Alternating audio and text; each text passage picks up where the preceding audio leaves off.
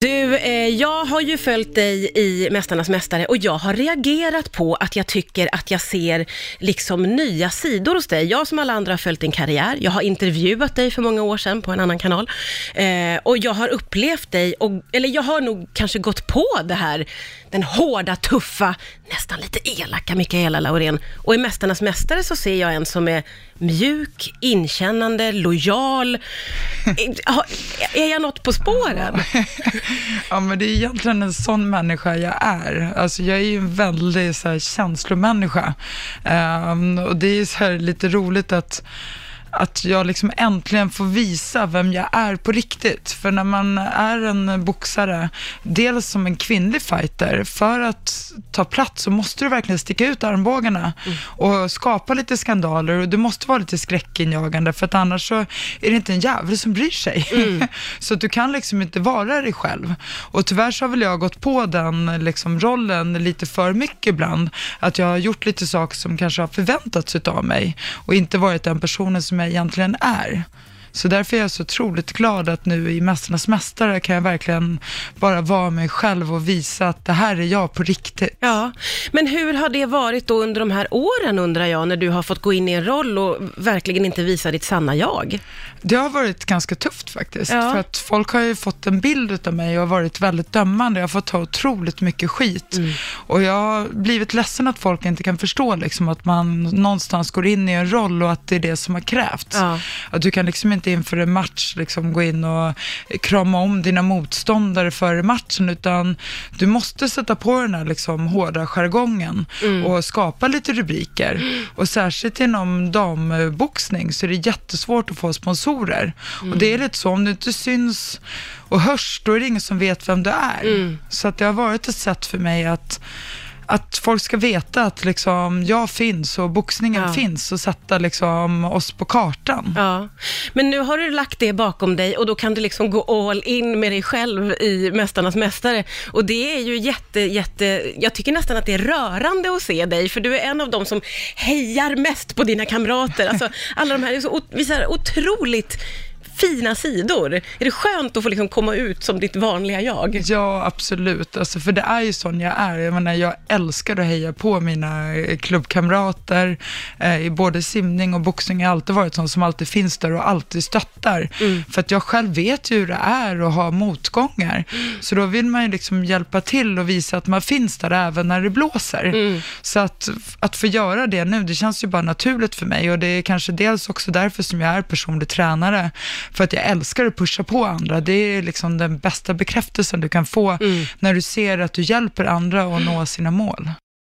Hade du, eh, kände du dem som du tussades ihop med eh, innan tävlingen? Eh, Den enda jag hade träffat några gånger var Carolina Klüft. Men Okej. jag kan inte säga att vi var polare, liksom, men Nej. vi var bekanta. Men det var faktiskt den enda som jag hade träffat i det här gänget. Ja, och hur var det då att bli ett gäng? Eller, det ser ju ut på tv som att ni hittade varandra ganska snabbt. Ja, Men jag tror att eh, idrottare är otroligt lika, för man har liksom levt samma sorts liv. Så att man förstår varandra på ett helt annat sätt.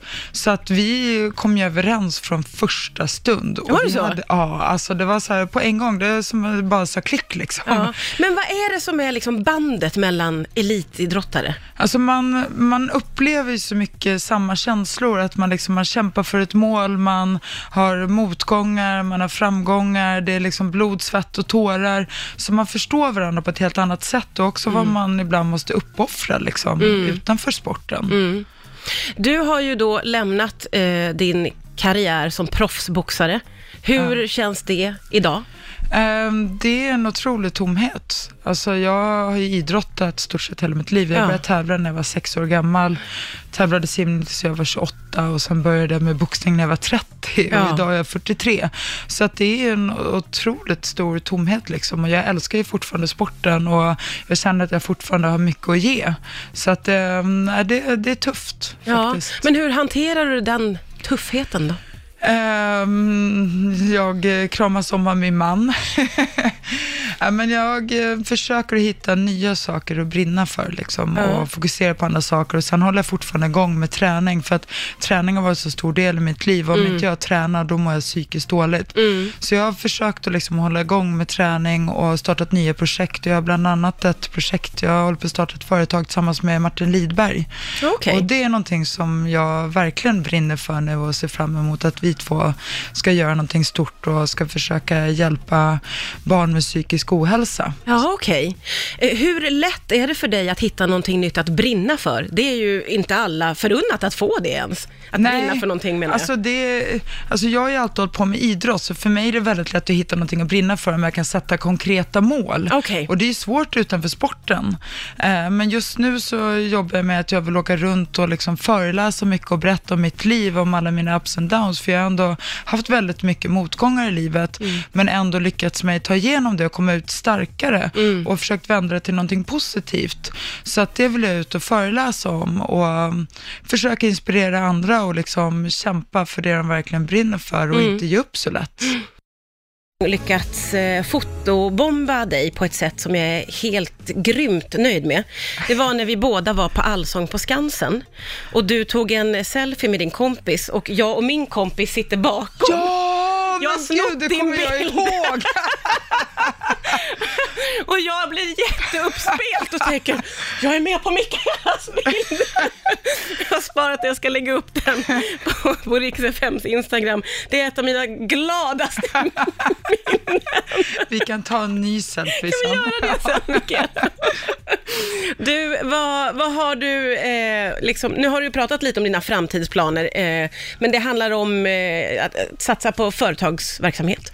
Ja, precis. Ehm, dels att jag vill ut och inspirera folk eh, att kunna komma tillbaka och våga satsa och liksom kämpa för det de tror på och drömmer om.